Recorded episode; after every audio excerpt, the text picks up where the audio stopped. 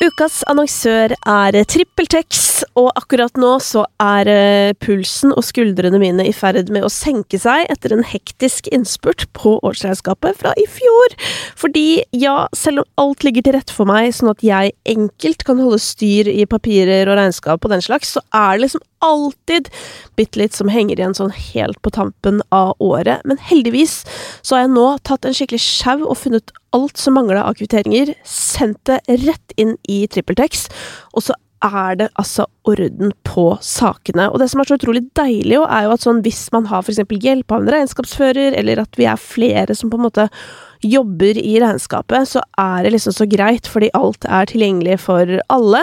Så nå eh, driver jeg da og lener meg tilbake mens eh, de andre ferdigstiller og holder på, og det er deilig. Og så vet jeg jo at jeg har sjansen til å være enda bedre i 2024 og få enda litt mindre å gjøre et år fra nå, hvis jeg bare bruker TrippelTex-appen og gjør alt som ligger altså og venter på meg for å gjøre livet mitt lettere. Hvis du også har lyst til å teste og få deg et lettere regnskapsliv, så kan du prøve TrippelTex to uker gratis ved å gå inn på trippeltex.no gratis. Lill Will, det er rappnavnet hennes. Ja, det er rett, da. Så hun skal bli rapper. Yes! Eh, så det Her. gleder jeg meg til, da. Ja. Da kan hun få hjelp av mor. Ja. ja. Vi skal få noen bars. Yes. Guriland, men velkommen skal du være, Malin Pettersen. Å, tusen takk. Du, du Ja. har jo Vi snakket litt om somrene på vei opp trappen her. Mhm. Men du hadde jo også en ganske spennende avslutning på sommerferien. Ja, Sånn rent musikalsk. det hadde jeg. Ja, fortell. Helt riktig. Jeg jeg, tror at du sikter til Øya, Ja. kanskje? da? Ja. Eh, du, det var veldig stas. Jeg ble jo egentlig booket til Øya eh, på mitt forrige album i 2020. Mhm. Men så skjedde det jo noen greier der, som vi alle vet. Ja. Eh, og så ble det utsatt eh, et år til, og så nå endelig skulle det skje i Mm. 2023. Og det er jo en sånn festival som jeg har vokst opp eh, i Oslo, så for meg så har det alltid vært eh, på en måte the holy grail, eller liksom den store greia. Og så har man eh, Jeg har jo holdt på litt sånn utenfor eh, den mainstream eh, musikkbransjen litt. Så jeg har stått der liksom banket på litt og tenkt sånn nei, nei, men kanskje det ikke er for meg, liksom. Og kanskje ikke det er At det ikke, at det ikke har en plass der. Um, så nå var det veldig stort å stå der og, eh, på amfiet og så se opp på der som jeg har eh, vokst opp, og der jeg har liksom grått mange av de tårene som jeg skriver om i låtene, og opplevd mange av de tingene som har liksom formet meg som menneske. Man har sittet der oppe og eh, vært litt sånn lite mobbeoffer og lurt på om man på en måte har noe plass. Så det var ganske fint, egentlig. Mm. Å kjenne at liksom, ja, jeg har en plass, og den Akkurat nå er den faktisk her, Ja. som var veldig stas. Men eh, det du beskriver her nå, den der følelsen av å stå litt på utsiden Mm. eh, Kan du ikke fortelle litt mer om det? Hvorfor har du følt det sånn? Jeg tror jo at eh, mange eh, opplever livet litt sånn. Og da jeg var liten, så tror jeg kanskje at eh, så mange barn eller ungdommer som føler det sånn, at man kanskje tenker at det bare er en selv. Man er sånn Jeg er så innmari på utsiden, og jeg ser ting på en annen måte og sånn. Og så har jeg jo skjønt, eh, selvfølgelig etter hvert som man blir større, at det er mange som har det på den måten. Men jeg eh, vokste opp på Kampen, og så flyttet vi da jeg var ti. Og da var liksom den nye skolen, den var litt annerledes eh, der. Og jeg, det, jeg passet nok kanskje ikke helt inn i måten de gjorde ting på. Eh, som gjorde at det også ble en litt sånn ekte utsidefølelse, da. Mm. Og så hadde jeg, begynte jeg da i den fasen hvor jeg skjønte at eh, mennesker eh, kan velge å være liksom slemme. Nå er jo dette barn, da, så jeg er Ja, ikke noe bitter, altså. De var bare kids. Men, eh, men jeg begynte veldig fort å stille spørsmål ved liksom hvorfor er man sånn? Og hvorfor er det sånn at noen eh, synes at den personen er kul, mens den personen ikke er kul? Hvilke valg er det man tar? Og så mm, endte det opp med at jeg egentlig begynte, begynte å stille spørsmål ved alt rundt meg, og alt i livet. Og så kom de store spørsmålene sånn Hvorfor er vi her, og sånn. Ja. Og da kjente jeg ofte at jeg kunne stå litt på utsiden når jeg skravlet med folk om liksom, dagligdagse ting og sånn, for jeg kunne bli helt sånn besatt av å få svar på ting som andre var helt sånn men hvorfor er det så farlig for deg å vite liksom akkurat hvor den fuglen du nettopp så på himmelen, hvor den kom fra? Mens jeg kan bli sånn Jo, men det er jo kjempeinteressant! Liksom, hvordan, hvordan, har, hvordan styrer den? Hvordan kommer den seg fra det til det? Og så, ja. Så tenkte jeg sånn Malin, det er noen greier i huet ditt som er litt rart.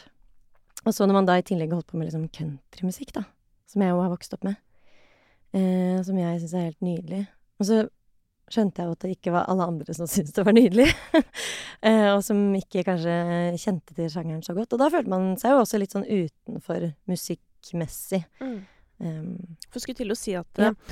um, det kan jo Jeg tror nok mer det er det siste, å Mm. ikke kjenne til så godt, ja, ja. enn det å faktisk like så godt, da. helt absolutt. Men det her er jo også et valg du tar, Mm. ikke sant? Fordi at du eh, trådde jo inn i offentligheten, eller hva jeg skal si, ved å være med på Idol. Mm.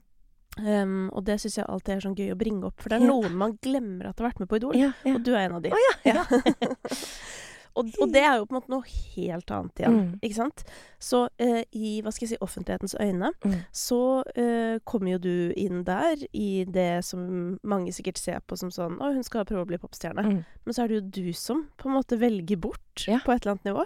Mm. Eh, hvordan Altså, visste du allerede da at ikke det var på en måte der du hørte hjemme? Ja, det var Jeg var nok litt forvirret også, for jeg var jo 16. Og så visste jeg jo veldig godt Jeg hadde veldig lyst til å jobbe med musikk, men jeg hadde ikke Selv om faren min spiller i band og sånn, så hadde jeg ikke noe Jeg kjente ingen i musikkbransjen, på en måte. Jeg hadde ikke noe innpass der. Og så var det en kompis av meg som sa at hvis du melder deg på, så melder jeg meg også på. Og så bare ok, da er det gøy. Og så gjorde jeg det.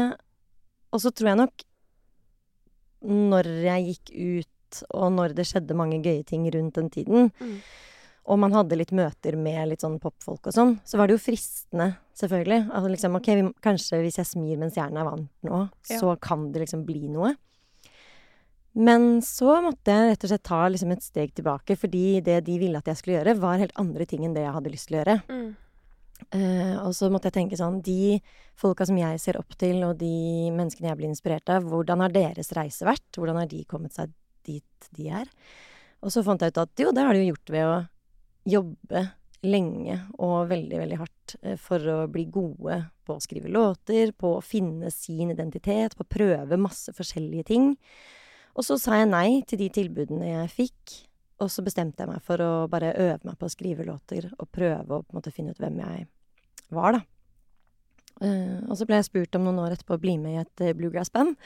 Uh, og da, har man jo, da tar man jo et valg, liksom. Mm. Da er det jo på en måte ikke VG-lista man sikter mot. Um, og det var kjempegøy. Og jeg snakket faktisk med noen uh, Jo, Siri um, i Selskapssjuk på P13. Hun sa, som jeg ikke hadde tenkt over selv, at kanskje som en, en som følte seg litt på utsiden, at det var lettere å forsøke å ta en sjanger som også var en litt sånn outside-sjanger, og prøve å gjøre den, og prøve å gjøre det bra, enn å på en måte tørre å skulle eie liksom noe som er bredere, da, og mer sånn offentlig appell, på en måte. Mm. Og at nå har jeg kanskje blitt liksom sikker nok på at jeg driver med det jeg har lyst til, til å begynne å tusle litt inn i liksom popverden, da. Mm. Ikke sant? Ja, for hva, hva er forholdet ditt til det med offentlighet? Det var et godt spørsmål. Eh, jeg har eh, eh, veldig behov for i offentligheten å være eh, Jeg kan godt være personlig, og noen ting syns jeg ikke det er så vanskelig å være personlig om. Men jeg har eh, ikke så behov for å være privat, og eh, har eh, Sånn som jeg ser på det nå, da, som jeg kanskje ikke så på det før, men det jeg opplever nå, er at det, for å kunne leve av det som jeg har lyst til å leve av, så eh, må man jo ikke, men hvis man har en stor eh, tilhengerskare fra før av. Men jeg opplever i hvert fall at til en viss grad så må jeg synes, og jeg må til en viss grad på en måte prøve å komme meg ut der for at folk skal høre om meg og vite hvem jeg er. Eh, og, og da prøver jeg å bruke den offentligheten til å eh, snakke om ting som jeg syns er viktig, til å prøve å liksom stille noen spørsmål eller dra ting i en retning som jeg syns er viktig. Eh, men ikke bare være offentlig for å være offentlig, på en måte. For det behovet har jeg ikke. Men det er det her som er så rart, fordi jeg tror de færreste, noen få, har Ja. absolutt, tror jeg, et behov Mm. for å synes eh, Ja. bare for å synes. Ja. Eller sånn, det er det mange TV-programmer som er eksempler på. Men, men det som kanskje er synd for noen, da, som ikke egentlig ønsker den oppmerksomheten, er jo Mm. dessverre at som du sier, at sånn for å gi folk en sjanse til å oppdage deg Ja. Det er litt sånn som jeg har sagt om Cezinando i det siste. Som mm. er sånn, Det er veldig synd at du ikke stiller opp på noe. Ja. Fordi alle som ikke vet om deg fra før, har Ja. ingen sjanse til å oppdage musikken din. Mm. Med mindre de på en måte har noen i omgangskretsen som deler, da. Ja. Um, og så, så sånn som artist eller kunstner eller hva man nå enn er, så mener jeg at bare sånn Hvis du vil Mm. dele det du lager med folk, Mm. så dessverre så er du nødt for å, Ja. å på en måte rope at du fins. Og det er kjempevanskelig, fordi at jeg tror for folk, akkurat sånn som du sier da, så er det veldig forskjellig hvor naturlig det kommer for dem. Jeg føler meg jo heldig fordi at jeg eksempel liker å ta bilder. Jeg liker at eh, å lage visuelle universer og, og det å dele eksempel bilder og tekst på sosiale medier er noe som jeg syns er interessant, da. Og jeg kan også synes det er litt gøy å på en måte ta på meg oppgaven som min egen sånn sosiale medieperson, og liksom bare Hva er en lur strategi? Um, mens andre har jo ikke det behovet på noe vis, liksom. Og vil jo helst bare sitte inne og skrive, og så reise og spille konsert, og helst ikke på en måte snakke så mye med omverdenen, annet enn de som er på konsert og sånn. Og det Da blir det jo kjempevanskelig. Og det tror jeg mange sliter med, og jeg skjønner det veldig, veldig godt. For jeg kan bare se for meg selv i de periodene hvor jeg kanskje ikke har det så bra, eksempel, og egentlig ikke har behov for å snakke med noen på utsiden av min, min egen krets. Men så vet jeg at liksom, jeg er nødt til å finne på et eller annet smart eller fint å si nå, fordi nå skal jeg spille den konserten på en måte om to dager, og det må jeg si noe om, da. Men det er jo litt som I hvert fall prøver jeg å tenke på det sånn at det er jo litt som en hvilken som helst annen jobb. At hvis jeg skal ha den jobben, så tror i hvert fall jeg for min del at det er måten jeg gjør den jobben best mulig på. Og da må jeg ha de litt harde dagene og ta, litt vanskelige sånn OK, da, så får jeg poste en liten video i dag. For det er sikkert smart. Ja. Så er det en del av liksom, arbeidsbeskrivelsen. på en måte. Ja. Og det tåler vi. Ja. Men eh, det å velge liksom country, da, eller først bluegrass-band, Mhm. da. Eh, hvordan er det liksom sånn bærekraftsmessig? Altså sånn, kan man leve av å være countryartist i Norge i dag? Nå fikk du et fjes. Ja. Nei, det kan man ikke. Man, og det er jo bare det å leve av å være musiker på et, når man ikke er liksom veldig stor og er jo ikke lett. Og blu, å leve av å være bluegrass-musiker i Norge, det kan jeg ikke se for meg, altså. At det kan gå. Det gikk i hvert fall ikke for meg. Ehm, men så har man jo det som er fint nå, er at det er masse, akkurat som med annen musikkbransje i Norge, at det er ganske mye utveksling ellers i verden. Og sånn, er det jo en del av de folka i den gjengen som jeg har, er heldig å være en del av, av liksom amerikanerfolk som reiser en del også i Europa og USA. Og da har man jo plutselig en mye større plattform eh, å bygge på. Og jeg tror det er lettere eksempel å kunne leve av å være amerikanerartist, altså ha en litt bredere eh, plattform enn å bare være liksom renspikka bluegrass eller renspikka på en måte Kanskje, kanskje country. Vi er jo veldig glad i country, da, sånn Mm. reinspikka country. Så det kan jo hende at man kan leve av. Men for folk som ikke kjenner til Ja. americana-kjøret, hva, mm. hva er det? Ja, hva er det?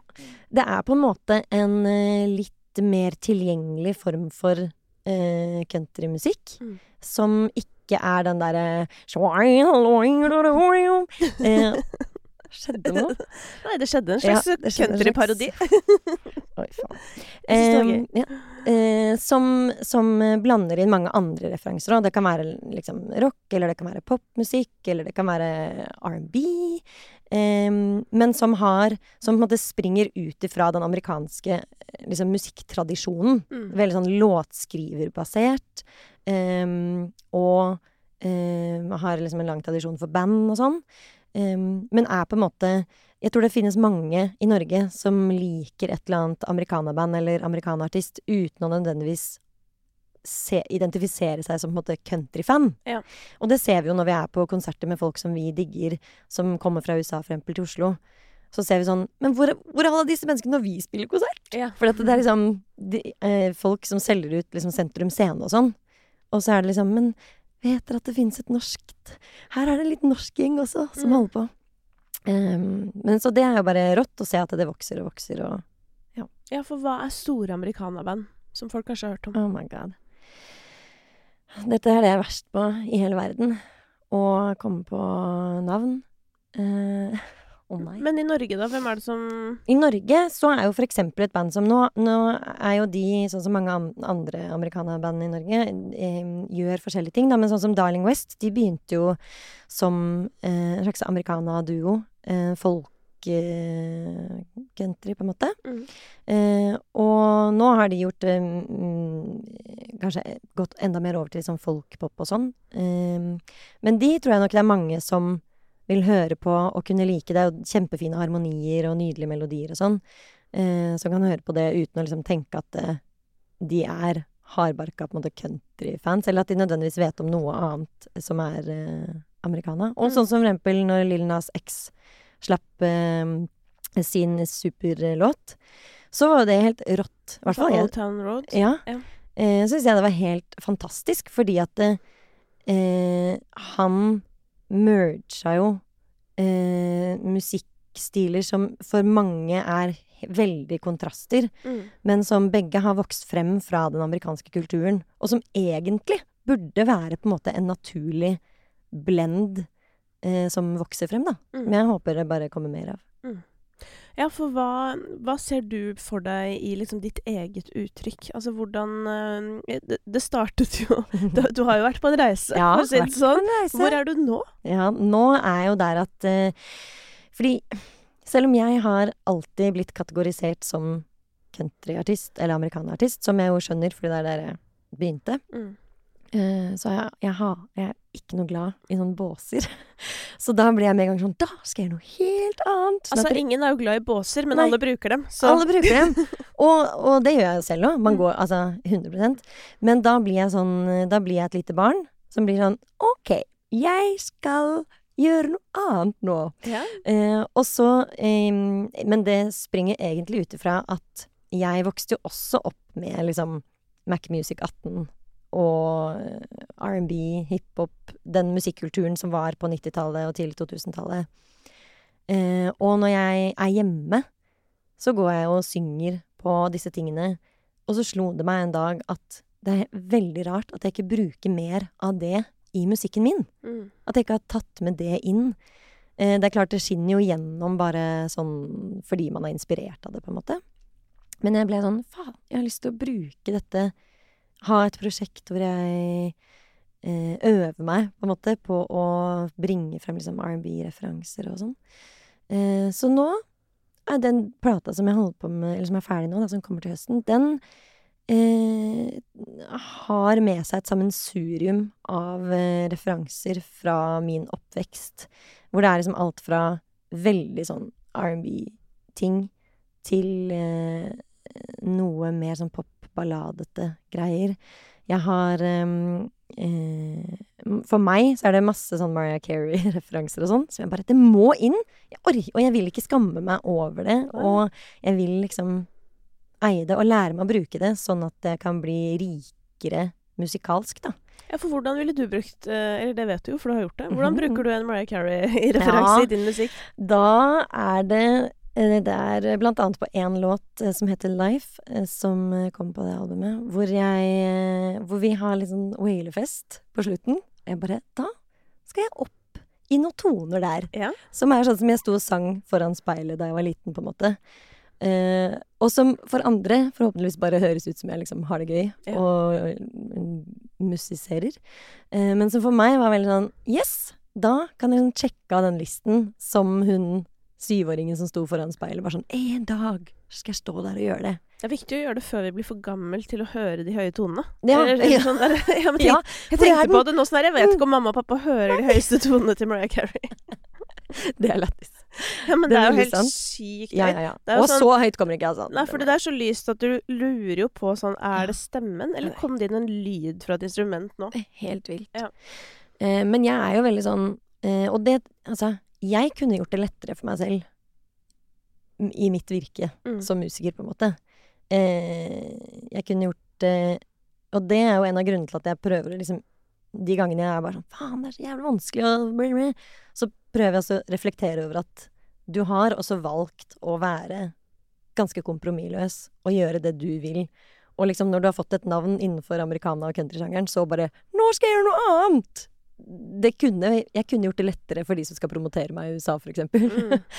Men jeg har liksom Når det er såpass vanskelig å holde på med det, så har jeg bestemt meg for at jeg vil i hvert fall ha det gøy mens jeg holder på. Jeg vil i hvert fall kunne se tilbake og bare sånn Shit, det var helt rått, det vi og den gjengen jeg har rundt meg, det vi skapte og gjorde. Uavhengig av liksom hvor stort det ble. Så lenge jeg kan klare, forhåpentligvis en dag, ha liksom en bærekraftig inntekt og kunne leve relativt stabilt, Mm. så er, må liksom drivkraften være musikken, da, og det Mm. kunstneriske. Men eh, ja, apropos bærekraften igjen, da. Altså, Mm. På en måte for meg så virker det som du eh, lever ditt virkelig beste musikalske liv, nettopp Mm. fordi du sånn Du eksperimenterer, du gjør din ting. Mm. Eh, du har band, eller du vet sånn. Men Mm. det er jo òg verdens dyreste måte å være artist på. Så det er sånn Hvordan finansierer man et album. Eh, når du skal ha bra musikere og den slags? Ja, hvordan gjør man det? Betal, Det- Altså, kommer det penger fra staten, Mm. eller sånn hvor Ja, altså hvis, Man søker jo definitivt penger. Ja. Og jeg er veldig heldig. Plateselskapet mitt hjelper meg med det, Mm. og de er kjempegode. Men så er det også egentlig, for min del i hvert fall, live-inntekter som Mm. er den største delen av liksom, den kaka som gjør at det går rundt, da. Ja.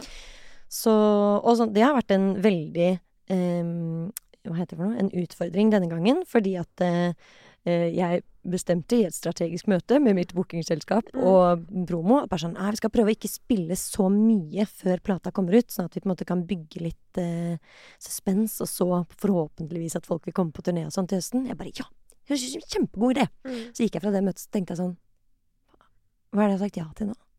Dette kommer jo all... Hvordan skal dette gå rundt? Og da hadde jeg liksom booket på studio alle og mange dager og flere studioer og masse folk. Jeg bare «Ho, OK! Og da er det jo bare sånn Det har man heldigvis på en måte blitt god til, da. Å liksom virkelig høsle og bare OK, hvor kan jeg hente inn penger? Hvordan kan jeg på en måte strategisk legge opp ting sånn at dette kan gå rundt på et eller annet vis? Og så er jeg også heldig som har Jeg har prøvd å skape en gjeng i dette prosjektet som alle forhåpentligvis har et litt sånn eierskap til prosjektet og får lov til å ta større del av det, mer enn at jeg bare er sånn 'spill sånn, gjør det', du, du, du. Sånn at jeg også kan si til folk sånn 'vet dere hva, akkurat nå så trenger jeg, jeg trenger en uke til på å betale de fakturaene, liksom. Mm. Går det bra? Og så er de verdens beste gjeng og sier sånn 'yes, sir, det går fint'. Eh, Fordi det er dritvanskelig, liksom. ja. Ehm, men eh, jeg tror at vi akkurat kommer i mål denne gangen her. Og så gleder jeg meg skikkelig til eh, det begynner med liksom ordentlig live-periode nå til høsten og neste år og sånn. Ja. Det blir veldig bra. Får vi håpe da at eh, da kommer betalingen. Da For å ha holdt Ja. tilbake. og, Ikke sant? Og det er det Ja, jeg håper virkelig det. Og så må man liksom i hvert fall en ganske stor grad tenke på mange av disse tingene som en investering. Og liksom, så lenge man har en Jeg er veldig opptatt av å ha lange planer, da. Mm. Sånn at jeg vet at hvis jeg investerer så og så mye i dette nå, så blir ikke det bare sånn Og så slipper vi det, og så skjedde det ingenting. Da har vi liksom en plan som fortsetter å gå ganske langt frem i tid, sånn at jeg vet at den investeringen forhåpentligvis At det er grunnlag for at det er en god investering, da. ja, Det tror jeg også er en eh, god idé. Eller sånn, Mm. sånn jobber jo andre bransjer, holdt på å si. Sant? Men det er også vanskelig, da, fordi at uh, i en tid hvor musikken går så jævlig fort, ikke Mm. sant Det er bare sånn Altså, Ja. en sang er jo borte før den har begynt, holdt på å si. Så er det jo litt ekstra vanskelig kanskje å tenke sånn Nå skal vi melke denne kua her i halvannet år. Eh, samtidig så tror jo jeg Mm. at um, mange er for utålmodige. Eller at Mm. Eller jeg, jeg tror at, at artister tror at vi mennesker er mer utålmodige enn vi er, ja. på en måte. Fordi ja, det går fort unna, men hvis du gir opp sangen din veldig fort, Mm. Så tror jo at jeg at ikke du syns den var så bra. Ja, ja. Og, og jeg får også sånn Jeg blir overrasket i stadighet hvor jeg kan oppleve at vi har liksom pøsa på i sosiale medier, fått i radioting, og jeg bare tenker sånn Nå må jo folk være lei av at jeg snakker om den sangen. Ja. Og så kan jeg møte folk som jeg tenker sånn at jeg kjenner ganske godt, eller liksom som jeg tenker de vet sikkert hva jeg holder på med, og jeg vet hva de holder på med, og sånn. Så er det sånn Ja, har du sluppet noe nytt i det siste, da? Så blir jeg sånn Hæ? Ok, vi må bare Vi, Ja. vi må enda mer, Ja. liksom.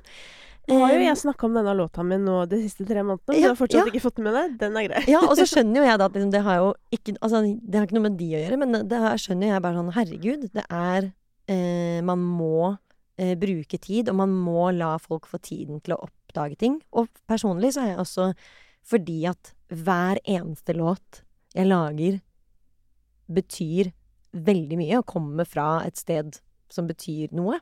Mm. Så er jeg altså opptatt av å gi de plass. Og jeg har snakket ganske mye med liksom, label og sånn om det her òg, at eh, vi kan godt ha ikke så lang tid imellom hvert slipp, men jeg er nødt til å lage rom rundt hvert slipp til å fortelle på en måte historien rundt hver låt, og gi folk litt sånn kontekst og en knagg å henge den på og sånn, sånn at man får flere muligheter til å hanke inn folk, da.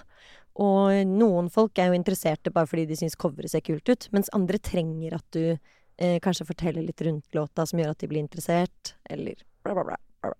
Ja, men det er jo eh, Det er jo det som er at sånn, sånn som ting er nå også, så eh, er det liksom det er, det er så vanskelig å bli eksponert for noe som helst. Fordi Mm. sånn OK, folk hører mindre på radio, så hvis du er på radio og Ja, ja, forteller om, sant. om låta, så Ja. kanskje ikke folk hører den. Eller du vet sånn derre Og hvis man ikke kommer i den rette spillelista altså sånn, så, så dere artister må jo hele tiden finne liksom nye Ja. måter å si hei til folk på, da. Mm. Um, hva er liksom dine hoved, hovedheikanaler? Eh, jeg tror eh, hovedheikanalen er Instagram. Ja. Men så burde det jo Jeg har eh, jeg, jeg prøver meg på TikTok. Ja, bra. Ja. Men jeg kjenner at der trenger jeg liksom å finne Jeg fant veldig fort min personlighet på Instagram fordi jeg er glad i bilder og tekst. Mm. Ehm, så Og så kan jeg fort møte meg selv litt i vegg i døra, heter det, Gjør på det. TikTok, fordi at Veggen høres hardere ut, på en måte. Ah, Ding. tong. ja. um, på TikTok fordi at jeg blir selvbevisst på at jeg står bare sånn Hei, alle sammen! Nå skal jeg. Men så ser jeg jo andre gjøre det, og Mm. tenker jo ikke at de er rare når de gjør det. Så nå har jeg begynt eh, å prøve å bli litt flinkere der. Og også prøver å tenke sånn tilstedeværelse nesten uansett hva det er, er bedre enn ingen tilstedeværelse. Ja. Så nå snakker jeg om sånn det er en liten serie gående hvor vi snakker om kapitalisme og sånn. Oi. Og bare, ja. Tenkte at bare sånn, ja, men kanskje jeg skal, trenger ikke å nødvendigvis bare være sangen og sånn. Kan snakke om andre ting som jeg syns er interessant. Altså, du har en serie om kapitalisme? Ja, altså, hva, fortell, hva er motivasjonen bak det? Hvor kom det fra? det er jo egentlig litt det vi snakker om nå. Ja. At jeg bare Jeg eh, Altså, det kapitalistiske systemet kan ikke være det beste menneskeheten kan klare å komme opp med, på en måte. Eh, det, er, det er så eh, mange mennesker som eh, eh, lider under på en måte måten vi har skapt verden på, og også sånn musikkmessig, og de boksene som vi snakket om i stad. Vi mennesker er jo laget til å like bokser, fordi at det gjør det lettere for oss å organisere livet vårt og snakke med hverandre og sånn. Men det er jo også et virkemiddel for kapitalismen til å selge oss ting. For da ser man jo mar altså marked... Hva heter det for noe? Ikke markedsgrupper. Hva heter det? Målgrupper. Ja, ja målgrupper, ja. Og, og um, spesielt innenfor liksom, countrymusikken så ble jeg veldig bevisst på det fordi at countrymusikk blir sett på som en veldig hvit bransje. Og så når man ser, går helt tilbake til liksom, skapelsen av countrymusikken, så var egentlig mange av låtene i måte, de svarte og de hvite miljøene mange av de samme.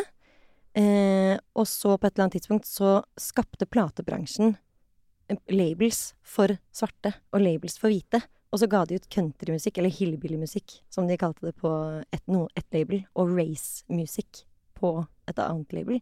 Og så skapte de jo da to grupper som etter hvert da så på hverandre som motsetninger og forskjeller. Og sånn føler jeg at liksom kapitalismen bare drar oss videre og gjør, tar oss lenger og lenger fra hverandre, på en måte. Så velkommen til min TikTok-kanal. ja, var, det, dette var en, en uventa vending, må jeg si. Hei, ja. Men, Ja. eh, dette, men dette elsker jo jeg selvfølgelig. Jeg blir jo utrolig glad. Jeg, jo, elsker jo, jeg elsker jo alt som har med internett å gjøre. Ja. Um, og så har jeg vært litt jeg har liksom vært spent på din ja, take på sånne ting. Fordi Mm. du har jo også vært programleder. Ja. Em, så jeg har jo tenkt at sånn, du har jo all grunn, og, og faktisk også erfaring, til å kunne bare kaste deg i det. Shit, det har jeg ikke tenkt på fra den siden der. Nei, men uh, fortell om det også, da. Du har jo Du hadde jo et radioprogram Mhm. en periode. Ja, det var veldig stas. Fortell, altså, hvordan, hvordan altså, folk, folk lurer. Hvordan får man et radioprogram? Ja, det lurte jo jeg også på Ja. i mange år. Og eh, så var det rett og slett bare Kristin Vincent i P13 som sa at de hadde lyst til å ha et program som handlet om americana, fordi at det er så mange i Norge som liker det. Mm. Og så eh, har jeg holdt på med det lenge og gjort meg selv synlig på en måte i den verden. Hun spurte om jeg kunne tenke meg å lage det. Og så eh, gjorde jeg det.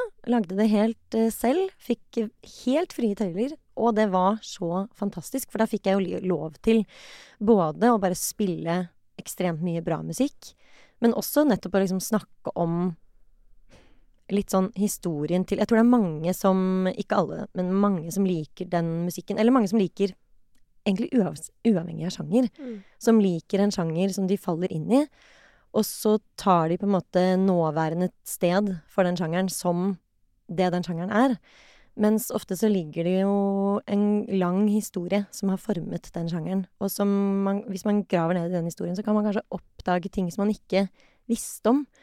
Um, og sånn som jeg lagde en episode om uh, likheter innen hiphop og country, for eksempel. Fordi at jeg vet at det også er to sjangere som jeg tror på hver sin kant man ser på som litt sånn den rake motsetningen, da. Mm. Men som egentlig har vokst frem. Selv om det var forskjellige ting man uh, hadde det vanskelig med, så har det liksom likevel vokst frem av folk som ikke bare har hatt det lett, og som har prøvd å på en måte rope høyt om ting som har vært vanskelig, da.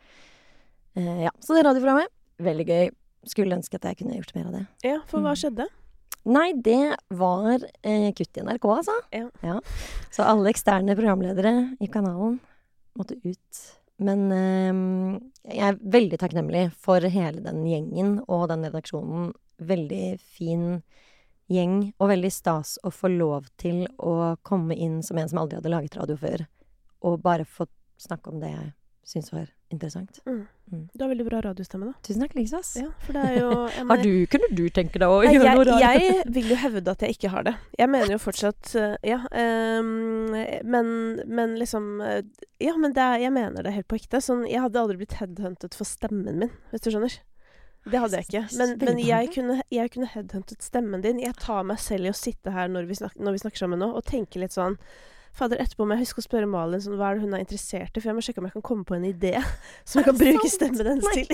ja. Det var veldig hyggelig, da. Ja, den er skikkelig bra, altså. Tusen takk. Men eh, en annen ting eh, som jeg kom til å tenke på, som på en måte er mindre, mindre koselig, holdt på å si, eh, ja, det er at sånn Fordi eh, jeg har jo i mange år liksom jobba med det jeg kaller å gjøre det smale bredt, eller mm. sånn at det er det man liksom jobber med, og det er jo litt sånn mye av det NRK driver med, ikke sant, å mm. gjøre det smale bredt.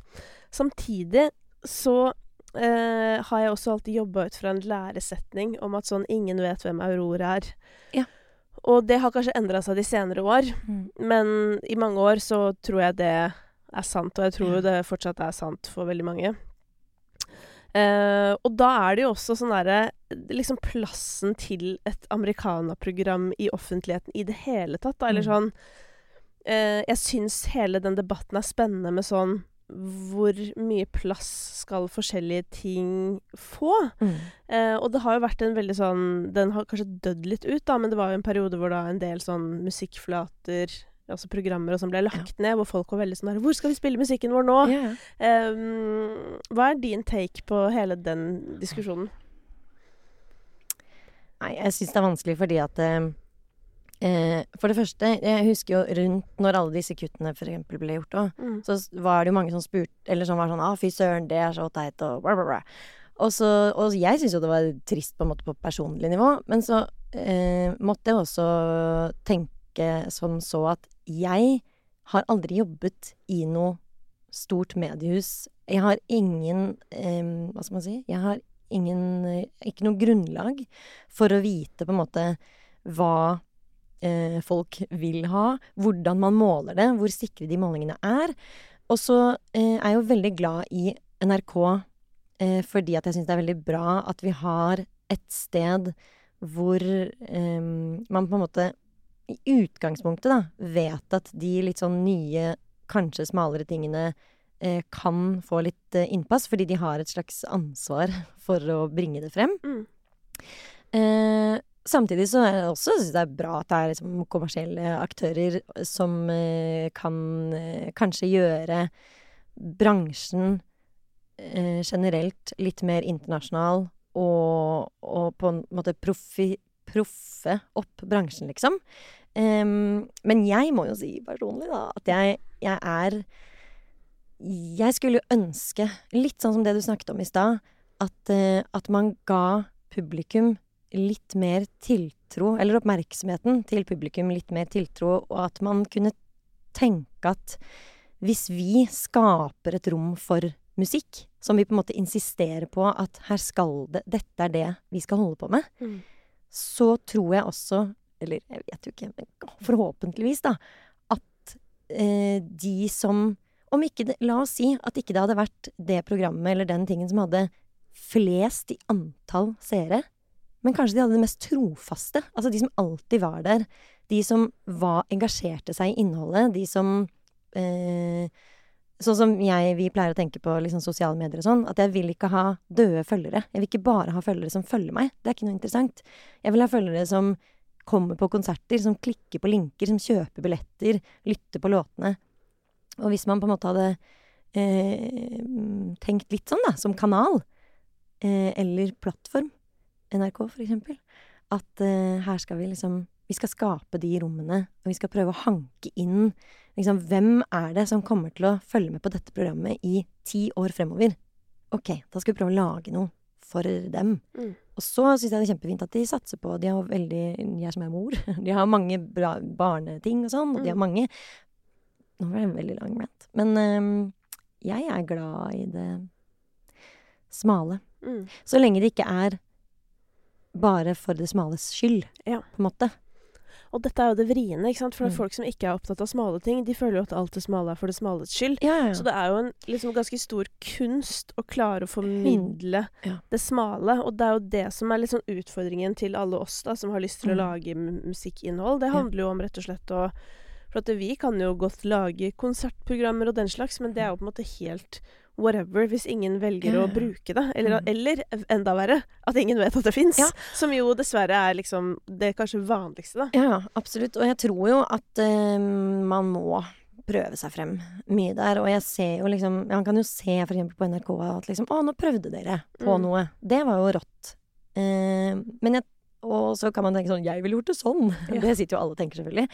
Men det er jo litt sånn med musikk òg, at alle kan ikke like alt. Og det er det jeg er litt redd for at NRK noen ganger faller i en felle at bare sånn Men vi skal må lage noe som alle alle skal like. Det skal være smalt, men det skal også være bredt nok. Og så er det sånn, hva med å heller gjøre begge Altså sånn han, det, ja, det føler jeg gjelder alle kanaler, bare så det Ja. er sagt. For det ja, er ja. alltid sånn Hva med å putte inn en kjendis? Eller du vet sånn Sant? Ja, hva Og, og litt sånn som Spellemannprisen, for eksempel. mm, Eh, der, altså, uansett hva de gjør, Ja. så kommer folk til å hate det og elske det. Og noen kommer til å Nye. Og jeg er jo sånn som sånn, Den måten som det ble gjort på nå når liksom, Hvis jeg husker riktig Alle prisene på en måte får like mye tid og sånn. Så sitter jo folk her sånn Oi, det er langt. Mm. Men så er det litt sånn Ja, men det skal det jo litt være òg. ja skal det, ikke det? Jeg syns det det også, men jeg ja. det Jeg savner sånn at det er mer høytidelig, på en Ja, måte. for det For det å sitte på langbord, det, Ja, nei, det- ikke, ikke, for å, ikke for å være fjong, men det syns jeg var litt nedrig. Ja. Eh, og vi- vondt i ryggen fikk jeg òg. Ja. Og det, ja, men da, men det, det Man satt jo Men eh, jeg fikk ikke vondt i ryggen fordi jeg satt på stol, altså. Men man måtte jo sitte. ja. Alle satt jo skeivt i scenen, så man måtte Ja, vri sånn, ja. hele er overkroppen, på en måte. Eller så måtte man jo vike fra, fra bordsettingen, holdt jeg på å si. Men det var jo sånn det har jo vært i sånne amfiaktige steder før. Mm. Ja. Og det føler jeg sånn Det er veldig, veldig fint. Ja. Og hvis, hvis man da smeller inn litt livemusikk Mm. mer på toppen der også? Yes. For at det handler jo om musikk, så det er hyggelig ja. hvis folk spiller, men det koster jo penger, ikke sant? Så det er jo Absolutt, ja. Selvfølgelig. Men jeg, jeg blir veldig glad. Da tenker jeg sånn Nå har dere på en måte turt å la det være den langspilleren som gjør at alle Og så var det kjedelig for folk at det var noen som vant alle prisene, selvfølgelig. var- så den var jo Det var, ble jo mange det ble Det ble jo mange mange taler fra samme gjengen, det ble det. Men, eh, men da tenker jeg i hvert fall sånn at eh, hvis man kan Ja, man trenger ikke at alt skal være for alle. Kan være liksom, man kan være også fornøyd med at noen ja, alltid kommer til å like det, og noen ikke kommer til å like det. Men eh, nå som Altså, du, du beskrev en slags sånn utenforskapaktig stemning. Mm. Du velger da å gå en annen vei i musikken, kanskje også fordi den du var eh, da du starta, det var på en måte ikke noe som passa inn i popmusikken. Vi må jo huske hvilken tid dette var på, ikke sant? Mm. Ja. Da du eh, først da entrer Idol, da er det, noe med jeg tenke meg, ja, tidlig 2000-tall. Mm. Eh, det som er populært, er liksom Nelly og Kelly og den slags. yeah. Um, og popmusikken er liksom Den er veldig pop. Det som er Mm. interessant, er jo at den musikken som var populær da ja, For å ta en fortsette på Nelly-referansen her Mm. Yeah. Uh, If you wanna come and take a ride with me, for dere Mhm. som uh, trenger mm, mer hjelp for å komme frem til poenget her. Um, det er jo liksom sånn eh, lyden av musikken nå, føler jeg. Sånn For Mm. meg er det sånn Jeg husker da undergrunnen uh, begynte å liksom breake, eller Ja. hva man skal si. Mm. Så er det sånn Å ja, er dere har beats fra 2003. Ja. Det er gøy. Ja, det er Eh, og det er jo på ekte veldig Det er jo også bra, da, fordi Mm. at um, sånn sett så var jo de til og med litt tidlig på den med å være eh, på den referanse På det kjøret der. Men eh, mens nå, sånn popmusikken er nå, Mm. så er jo liksom Olivia Rodrigo eh, topp Mm. ti i Norge, hvis du skjønner. Ja. Så mm, hvis du hadde eh, vært med på Idol nå, Mm. så hadde det jo vært plass til deg Ja. i popmusikken. Eller skjønner du hva jeg mener? Mm. Ja, skjønner hva du mener. Har du tenkt noe på det, liksom hvordan, hvordan når du kom inn i bransjen, har Mm. påvirka den du har blitt, da?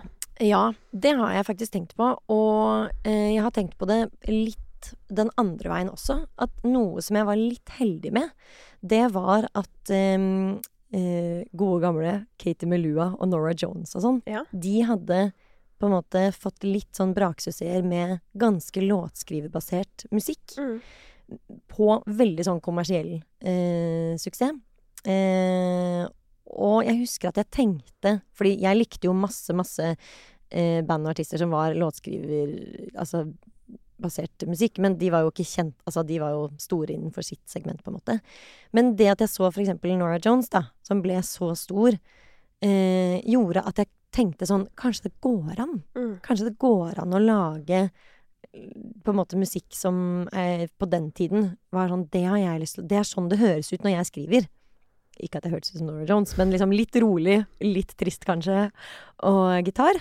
Em, og, og da tenkte jeg liksom at ok, men da det, det er mulig å kunne kanskje leve av det. Uten at jeg noen gang trodde jeg kom til å liksom bli noen Nora Jones eh, like stor som henne. Men så da, på den måten så følte jeg meg egentlig litt heldig, for at jeg kunne jo kommet inn et i sted i musikkbransjen hvor det ikke fantes noe av det. Hvor det liksom ikke var noe Hvor det bare var sånn veldig Ja. Number one hit. Og hva skjer med lyd...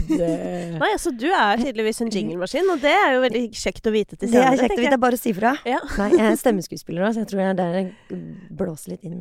Ja, ikke sant? ja, men ser du. Det er tilbake til at eh, stemmen, eh, stemmen er god, den. Stemmen er god. Stemmen er god. Det er- skal min podkast hete. Ja, Stemmen stemmen er god med stemmen i fokus. Ja, med stemmen i fokus. Og så Ja. kan det enten være en logopedpodkast, som jo er veldig smalt, selvfølgelig. Eh, eller er så kan det da være Vet du hva, fordi at det er også det hvis jeg hadde startet en app, hvis jeg hadde startet Mm. en norsk Headspace, Ja. da hadde du også lest eh, en del av de meditasjonsøktene der. Altså, ring meg, sier Ja, bare. for at det er en sånn blanding av en veldig ro, men det er også energi i den, skjønner du? Ja, den er eh, Jeg tror folk er enige. Hvis ikke så send meldinger til Malin Pettersen på Instagram og si ja, ja. at dere er veldig enige. Mm. Og så kan send meg penger, så kan jeg spille inn sånn God morgen, nå er det på tide å stå opp. Ja, eller jeg ville heller hatt faktisk, når jeg hører deg nå, jeg, tar, jeg ville heller hatt en slags sånn eh, 'dette går bra' Ja. ta, sånn, Dette kommer til å gå fint. Ja, men ikke sånn at det Men mer, energi, sånn, mer sånn der Vet du hva, Ja. nå skal du vinne. Litt den. Ah, shit. Ja. Kanskje det, ja. Dette, dette skal jeg ta med meg inn i livet. Nå skal du vinne. Men du har jo denne kapitalismeserien din på Ja. TikTok nå. Eh, hva er det neste Altså, hva er neste serie? Nei, det er et godt spørsmål. Det jeg håper litt på, da, er at eh, når jeg babler i vei Ja. om kapitalismen, som jeg også gjør på engelsk, som er litt uh, vanskelig Å ja, ja, selvfølgelig, fordi Ja. du har jo et internasjonalt publikum. Ja, men det er også litt rart. For at jeg tenker sånn, alle de som følger meg som er norske, må tenke Hvem tror hun at hun er? Vi tenker absolutt Men, om uh, norske folk som snakker engelsk, at eh, det var spesielt. Men med det sagt, på liksom, Jeg syns det kan være litt rart hvis det er konsert i Ja. Norge. Ja, det det. på hjemmebane og så snakke engelsk, da, det syns jeg skurrer litt for Ja, meg. det- Men det kan jo hende folk har gode grunner for det, det vet jeg ikke. Eh, på internett derimot, Mm. hvor liksom sånn Så selv om noe Annejord, da, for eksempel, hun snakker en del på engelsk, Mm. og den engelsken, eh, Anniken, den eh, sitter sånn passe. Eh, altså ordforrådet er jo bra, men uttalen er litt sånn tidvis litt eh, merkelig. Um, men det syns jeg Jeg skjønner det veldig, veldig godt, for det er sånn Mm. Folk er jo interessert i deg der ute. Og sånn Mm. som hun som har eh, vet, altså Hun har smykker, og hun har noen kremer og noe greier. Altså, Mm. Det er jo veldig relevant. Og det er jo samme for deg. Du har jo Ja. musikk som kan treffe der ute. Så det ville jeg faktisk eh, ikke vært så flau over. Nei, jeg prøver å ikke være flau over det, Ja. og se hvor det bærer meg. Og Men litt ja. selvfølgelig, det gir jo en dimensjon til capitalism. ja, absolutt. You talking about ca Eh, Yep. Yes. Jeg skal snart være konferansiere konferansier på engelsk, så jeg må øve det meg litt. Mm, jeg Du er god. Det blir rått, det, Kristine. Ja, det, det, jeg har gjort det før, altså. Og det, det er et eller annet sted mellom helt jævlig og litt gøy. Absolutt. oh, men det jeg håper, da, når jeg babler i vei der på Ja. engelsk og prøver å ikke være selvbevisst, Mm.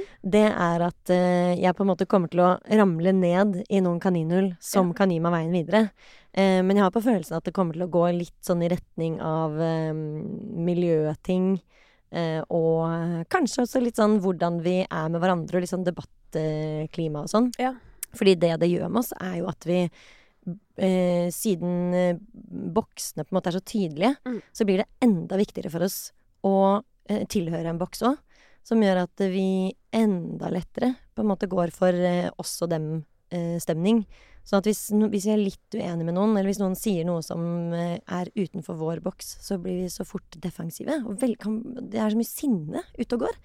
I stedet for at man på en måte kan være litt nysgjerrig på gråsonene, da. Mm. At eh, veldig Noen få saker er jo eh, svart-hvitt, på en måte. Ja, eller noen, Og- noen få saker er tydelige verdispørsmål, Ja, og da kan sant? du ha den ene eller andre verdien. Yes. Mens i de aller fleste politiske saker Ja. Er jo ikke det. Fordi for eksempel da, for Nå skal jeg dele en frustrasjon fra Ja. hjemmebane. yes. Ja, det er da alle i familien tar valgomaten, Mm. ikke sant? Mm. Eh, og ingen skjønner en dritt. Og det skjønner jeg på en måte. Mm. Fordi du Også fordi alle har nå klagd inn i øra mine om den jævla valgomaten. Og som da en av de mest politisk interesserte i familien, så måtte jeg da til slutt liksom gå inn og se, for jeg trenger ikke å ta en valgomat personlig. Mm. Men så går jeg da inn på NRK og velger Oslo og begynner da på denne valgomaten. Og da er altså helvete løs. Og jeg skjønner at folk blir frustrert. Fordi da kommer det altså spørsmål, ikke sant. Og for det første så må du velge da hva du er interessert i, og så får du spørsmål på bakgrunn av det. Mm. Og så velge hva jeg er interessert i. Det var jo faen meg 30 ting der. Jeg er interessert i Mm, alle de 30 tinga, så jeg veit ikke. Og jeg klarer ikke å velge om jeg syns det er viktigst med det ene eller det andre. Og men så velger jeg på en måte bare Jeg må, måtte bare ta noe til slutt. Mm. Eh, det som skjer da, er at man f.eks. får spørsmålet om eh, man syns at alle må få mat på skolen. Mm. Og det syns jeg er et godt eksempel. Fordi ja, konge å få mat på skolen, men strengt tatt Nå har ikke jeg besteforeldre igjen, da, men hvis jeg Mm. hadde hatt det, og det står mellom om bestemora mi skal komme på sjukehjem eller ungen min skal få mat på skolen, Mm. så syns jeg jo det er viktigere Mm. at bestemor kommer på sjukehjem. Mm. Og derfor så velger jeg litt enig. Og sånn fortsetter denne eh, valgomaten. Og vet du hva som skjer hvis du er litt uenig og litt enig? Vet du hvem du får da? Nei. Da får du fuckings Senterpartiet. Og jeg dauer. Fordi jeg kjenner jo veldig godt til alle mulige partier. Jeg har Ja. jobba i et parti. Jeg har jobba som rådgiver i politikken, liksom. Mm. Dette, jeg har f rimelig full oversikt. Mm. Og ikke kom og fortell meg at jeg skal stemme Senterpartiet. For det er kanskje det siste partiet jeg skal stemme på. Men det er bare veldig interessant, Mm. og dessverre veldig synd. Fordi hvis du ikke er helt enig Yes. eller helt uenig på Mm. valgomaten, så får du Senterpartiet. Ikke sant? Og det er bare en warning til alle der Mm. ute. Ai, ai, ai. Hvis vi ser at Senterpartiet går veldig opp i Oslo nå, så vet vi hvorfor. Det er helt sykt. Det var sånn Samboeren min nå kom hjem og bare sånn Jeg for Senterpartiet! Han er jo helt, han helt sjokkskada. Skjønner jo ingenting, ja. stakkar. Skal jo også sies da at det var jo flere partier som var liksom oppe på akkurat samme prosent. Nå Mm. outa jeg Simon, beklager det, Simon, men jeg, det tror jeg du overlever. Men, eh, men poenget er bare at jeg gadd ikke å ta min ferdig engang, fordi jeg Mm. så hvor det bar for meg også. Ja. Og det handlet om nettopp det. Så basically også, hvis du sitter med flere tanker i hodet samtidig Mm. når du tar valgomaten, som eksempel i mitt tilfelle sånn Og så er det også sånn fjerne alle parkeringsplasser. Liksom, er du helt eh, Mm. enig?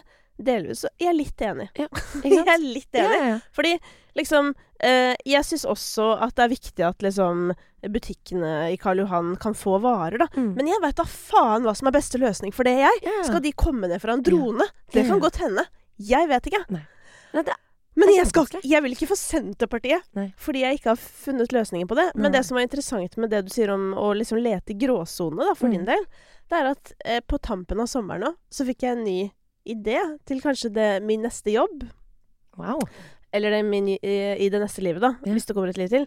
Og det er at jeg hadde lyst til å starte en tenketank, som da er eh, Hvordan skal man beskrive det? Altså, det er jo sånne miljøer, på en måte, mm. men som gjerne da jobber på hver sin side av politikken. Så det fins jo noe som heter eh, eh, Civita, er det det heter? ja. Og så er det Hva heter det der? Agenda, mm. som er liksom for venstresida. Nei, jeg vil ikke jobbe for noen. Nei. Selv om jeg egentlig har en politisk tilhørighet. Ja, ja. Men jeg mener at kanskje det begynner å stå i veien Mm. for gode løsninger. Så jeg vil ha en tenketank som kommer med de gode løsningene. Ja. I alt som ikke er konkrete liksom, verdispørsmål. Fordi politikere sitter bare og krangler. Det kommer jo aldri noe ut av det. Og så er det jo de også opererer jo innenfor disse boksene. De vet jo at liksom de må spisse sitt budskap. Jeg satt og hørte på en politisk eh, debatt i dag om politistasjoner. Ja, Hørte på Og- det samme. Og hvor det liksom bare sånn Ja, men vi har nå laget flere politistasjoner. Det er viktig at Og så sitter de andre og sier sånn Ja, men dere har også tatt bort folk som jobber forebyggende med ungdom. Og de, denne kommunen sier jo at de trenger det mer enn at de trenger så mange politifolk. Mm. Vi har gått til valg på Vi at sa vi i plattformen Ja. at det skulle bli Om- Ja, og nå har vi gjort det. Emilie Enger Mehl, Ja. eh, som jeg backer da fordi hun uh, har fått kjørt seg, for å si det sånn. 100 Apropos Senterpartiet. Ja. Du får ikke min stemme, men du Jo, men får applaus for å, å stå i noe som er vanskelig. Men ja, det er litt det der. Det er sånn Men så kommer da de andre som er veldig sånn De har jo ikke noe bedre forslag, men de er bare veldig sinte. Og da blir jeg sånn Ja. Hvor er det gode forslaget? ja, ja. Og- Kan vi finne løsningen? Helt enig. Og det er der jeg er litt sånn jeg, Apropos tilbake til spørsmålet sånn hvordan man ser på offentligheten og sånn. Der har jeg tenkt liksom Hvis jeg syns det er vanskelig å være på en måte um, finne, finne ut hvordan jeg vil være i offentligheten og tjo hei, så tenker jeg at dis, er det én ting jeg kan gjøre, da, bitte lille meg, så er det i hvert fall at jeg kan kanskje snakke om eh, Altså at jeg ikke er spissa. At jeg ikke er, bidrar til å spisse verden, på en måte, i den ene eller andre retningen. Men da kan du jo igjen si at da blir du Ikke sant? jeg blir da blir, ja, jeg da blir blir spissa i da blir Nei. du ikke populær. Nei, nei, nei. For da har du ikke sett internett. Det I er, sånn, know, I know, det er så upopulært å være oss. Det er jo det som er hele poenget. Men det og det var det jeg sa i stad òg. Jeg kunne gjort det lettere for meg, og Ja. jeg kunne gjort det lettere for de som jobber med promo for meg. ja. Eh, beklager eh, til de, eller til dem. Um, men, men jeg har også tenkt sånn, kan jeg klare at dette blir mitt spissa budskap? At jeg på en måte ikke har lyst til å bli Eller at jeg har, at jeg har lyst til å snakke om gråsonene, da. At jeg har lyst til å snakke om alle de tingene. Altså, det vet jeg ikke om kommer til å gå. Men, men jeg liker på en måte Det blir jo sikkert populært snart, for det blir jo sikkert det neste som er trendy. Ja. Hvis du skjønner. Men Ja. akkurat nå så er det ikke det i det hele tatt, Nei, nei, liksom. Og det er jo sånn Uh, uh, at liksom plutselig Danby Choi er kjendis, og Subjekt er Norges uh, visstnok raskest voksende avis. Mm. Hvorfor er de det? Ja. Jo, fordi at de er eh, ekstremt Ja, spissa, ikke sant? Og Absolutt. sier ting som er liksom Ja, ja. Oppleves tidvis også helt i grenseland. Og så får man bare sånn Hvor er, hvor er nyansen her? Nei, nyanser er ikke populært. Nei. Og det er der, det er der jeg har lyst til Jeg, altså jeg har på en måte innsett Jeg tror hvis, jeg, hvis dette hadde vært meg for kanskje ti år siden, da, Mm. så hadde jeg kanskje tenkt en del av de samme tingene, men kanskje vært liksom smartere. Eller sånn Jeg, jeg gikk jo for på en måte americana Altså jeg hadde ganske Vi, vi tenkte smart eh, på hvordan vi gjorde det opplegget der, når jeg slapp de platene der. Det var jo 100% basert på hva vi hadde lyst til å gjøre, og hvem jeg var og sånn. Mm. Men det var jo en veldig enkel promoteringsjobb, på en måte. Mens nå gjør vi det jo litt vanskelig for oss selv. Men da har jeg tenkt sånn, nå som eh, litt mer voksen, da, at bare jeg tror kanskje det er det jeg må for å klare å overleve. Fordi at jeg merker hvor stressa jeg blir når jeg prøver å spisse meg, på en måte. Mm. Jeg kan godt spisse meg innenfor ting som jeg syns er viktig, sånn Jeg er kjempeopptatt av miljø. Men innenfor der så har jeg også lyst til å være en som snakker om det som er sånn Men hva er viktigst, for eksempel? Er det viktigst at de som lager klærne, har gode arbeidsvilkår? Eller er det viktigst at stoffene som klærne blir laget av, er nedbrytbare? Hva er det som er viktigst i verden? Hvordan kan vi jobbe for liksom at det ikke bare er sånn 'Gjenbruk er bra! Gjenbruk er bra!'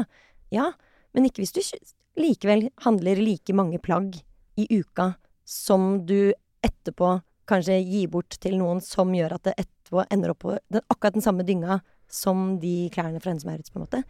Så jeg tenker sånn Jeg tror kanskje jeg må leve litt der, altså. Og Mm. akseptere at jeg aldri kommer til å bli eh, på en måte nødvendigvis Altså, så lenge jeg kan leve av å ha den jobben jeg har, så trenger jeg ikke noe mer enn det. Så bare vær så snill, verden, la meg få leve av det. Selv om jeg Og så skal jeg, og så skal jeg Ja. Og så får jeg heller tenke at liksom det derre å spisse Jeg kan jo sitte og drømme om at liksom, dette skal bare gå kjempebra og ta av, og man skal få være 100% seg selv, og det skal verden ville ha, liksom. Men eh, jeg skjønner jo også at uh, Igjen da, det der med litt sånn Å kanskje embrace litt det derre utenfor-greiene. At bare sånn ah, det er ikke, Jeg klarer ikke, altså. Blir stressa av å spisse. Så da kanskje, kanskje ikke det er for meg. Kanskje jeg må leve litt i råsonene. Men tror du Norge kommer til å nå klimamålene innen 2030? Hvis, hvis de gjør det. Det Hvis veldig de gjør det? Vi. Ja, vi. Men altså de som sitter og bestemmer, da. Ja. Da Ikke noe som tyder på det. At det er noen som noe så, altså, og hvis det, hvis det skjer, så er jeg så spent på Igjen, da. Det der med å bare tikke av bokser, liksom. Mm. Bare sånn Hvis vi gjør dette, tikk, å, fjo, da har vi kutta så og så mange, for vi må ned. Og så er det liksom Ja, men hvis vi hadde begynt å tenke på dette på ordentlig for ti år siden, så kunne vi Mm. planlagt Planlagt dette. Ja, for nå føler jeg at nå trengs det at én tør å gjøre seg upopulær. Ja. Type Dagfinn Høybråten. Ikke sant? Skjønner du? ja. Kristin Halvorsen. Ja, slags. hallo, Ikke sant? At man Ja, ja. Eh, Det er lett å glemme nå. Mm. Eh, jeg lager jo en podkast for Skipsstøtt, eller Ja. for Podme, som heter Jeg skulle ønske jeg visste, og der har jeg jo eh, Der intervjua jeg Kristin Halvorsen, og hun Mm. fortalte jo det at liksom da, eh, da barnehagereformen kom, Mm. så altså folk eh, hadde jo lyst til å Mm. Ja. Ja. gjøre unevnelige ting med henne. For Mm. at hun, de mente liksom at hun prøvde å bryte opp familier. Mm. Eh, og for ikke snakke om Dagfinn Høybråten, da, Ja. ikke sant. Og røykeloven. Og Mm, han eh, Altså, folk var jo så forbanna. Mm. Og det er jo litt no, Altså sånn Vi vet jo ikke hva som kommer til å skje, for at vi vet jo bare at liksom Predictions uh, looking Mm. bad, da. Ja. Eh, men så er det sånn OK, skal vi bare sitte og vente på at det skjer? Ja. Eh, fordi Du vet, litt sånn derre Hvis man ser for seg litt sånn katastrofefilm Hver dag i eh, mitt hode. Ja, ikke sant? Ja. Og, og så ser du for deg da at sånn Og så er det noen som gjør noe grep nå, Mm. og da slapp vi liksom akkurat unna. Ja, Eller ser du for deg? Sånn. Ja. Hvem skal være den personen? Mm. Fordi noen har jo faktisk mulighet Mm. til å bli en slags redningsperson. Ja. Eh, men så må man jo gjøre det sammen og alt det der. Fader, det der er dritvanskelig, altså. Men jeg har begynt å Altså, jeg har, nå har jeg Mm. begynt å kjenne på det. Ja. Nå har jeg begynt å kjenne på det sånn Å, fy fader, når det, når det er liksom flom og Når det Mm. kommer sånn in your face, Ja. så får jeg sånn Nå Ja. lurer jeg på om vi skulle gjort noe. Ja, Lurer jeg Skulle på. vi å Skulle vi tatt også Tatt litt grep? Ja. Og så kommer det andre folk som er mer sånn eh, blaserte, eller Mm. mer sånn har gitt opp. Som kommer og liksom påpeker at sånn, ja, men vi er bare et lite land i verden. Og så er det sånn, ja, vi er det. Men skal alle gi faen, da? Jeg Ja, bare skjønner Ja, ikke. nei, og det er nettopp det. Jeg tenker sånn Ja, vi er et lite land i verden, men hvor stolte er ikke vi hver gang Norge har fått til et eller annet som viser seg å være liksom banebrytende i resten av verden? Sånn Å, eh, det, på Mars-roveren som er sendt til Mars, så er det en norsk device som bla, bla. øh, Helt rått! Tenk hvis vi bare skulle være sånn Jeg trenger ikke noe forsknings, øh, forskningsmiljø i Norge. Vi er bare et bitte lite land. Det var sånn Tenk hvis vi som har masse hav, masse vind, masse bølgekraft masse, Vi har masse ting vi kan forske på. Vi har en del sol. Hva hvis vi Tenk hvis noen hos oss kommer opp med en eller annen løsning som gjør at vi eh, får ned utslippene våre masse på en god måte, som også andre kan ta i bruk. Og så plutselig kan det jo forhå forhåpentligvis, liksom, som det allerede er òg, da, men internasjonale samarbeid som hjelper alle. Mm. Jeg blir så frustrert når noen sier sånn Ja, men vi er bare en liten del av eh, Så sånn OK. Da bare lener vi oss tilbake, da. Ja. Så lar vi bare Så da bare smeller vi håper på litt Ex on the Beach her, og Ja. så tar vi litt uh, popkorn, og så ser vi Så hvor det håper vi at noen andre gjør noe. Ja. Fordi at det, det har ikke så mye å si, liksom. Fader, gode løsninger med Malin Pettersen. Det er neste podkasten etter den stemmepodkasten. Ja, det er den etter den, ja. Så det, vi har et par ideer her allerede som ligger og lurer, så den er grei. Men eh, aller først må du få ut eh, albumet ditt. Ja. Eh, Mm. Når kommer det? 20. oktober. Ikke sant? Ja. Denne praten kommer ut før det, altså. Jeg, sånn, jeg syns det var så inspirerende at vi snakket om uh, Nyhetsmorgen i dag. At det, Ja. det er mulig det bare må rett ut, dette her. For det blir veldig kjedelig med Nyhetsmorgen fra i dag Det er sant! eh, senere, Ja. hvis du skjønner. Og jeg lever jo litt sånn Jeg har nettopp kommet i gang etter ferien, faktisk. Sånn på ekte. Hadde en litt røff overgang fra ferie, så det Mm. var liksom ikke helt ferie. Nei. plutselig. Fra ferie til tilbake til ikke-ferie. Ja. Ja, den er eh, Den er eh, Den er noe. Ja, Den er den interessant. Er Den er eh, interessant. Livet skal leves og oppleves, og det Du setter vi tar det på strak arm, Kristina. Jeg tar det på strak arm, det skal du ikke lure på. Ok, men 20. oktober, Ja. og da er det bare å få på billetter til å oppleve dette live etterpå, Ja. sånn at uh, dama her kan leve og lage podkast, stemmepodkast. det gleder vi oss veldig til. Men herregud, dette gleder jeg meg til å høre, oss, med alle de Mm. referansetisene du uh, slapp ut her. Tusen takk. Det blir gøy. Takk for at jeg fikk komme hit. Da. Det var veldig koselig. Kjempehyggelig. Veldig. Veldig ja. Og jeg føler at nå har vi vært en podkast som har beveget seg i gråsonene. Vi har Absolutt. skravla om masse forskjellig. deilig. Det er notert, da, for å si det sånn. Ja. Så hjernen den skal inn og jobbe Samme. på podkastideer. Ja, ja. Takk for at du kom, Malin. Takk for meg. Planning for your next trip? Elevate your travel style with Quince. Quince has all the jet setting essentials you'll want for your next getaway, like European linen, premium luggage options, buttery soft Italian leather bags, and so much more. And it's all priced at 50 to 80% less than similar brands. Plus, Quince only works with factories that use safe and ethical manufacturing practices. Pack your bags with high-quality essentials you'll be wearing for vacations to come with Quince. Go to quince.com slash trip for free shipping and 365-day returns. Hi, I'm Daniel, founder of Pretty Litter. Cats and cat owners deserve better than any old fashioned litter. That's why I teamed up with scientists and veterinarians to create Pretty Litter. Its innovative crystal formula has superior odor control and weighs up to 80% less than clay litter. Pretty Litter even monitors health by changing colors to help detect early signs of potential illness. It's the world's smartest kitty litter. Go to prettylitter.com and use code ACAST for 20% off your first order and a free cat toy. Terms and conditions apply. See site for details.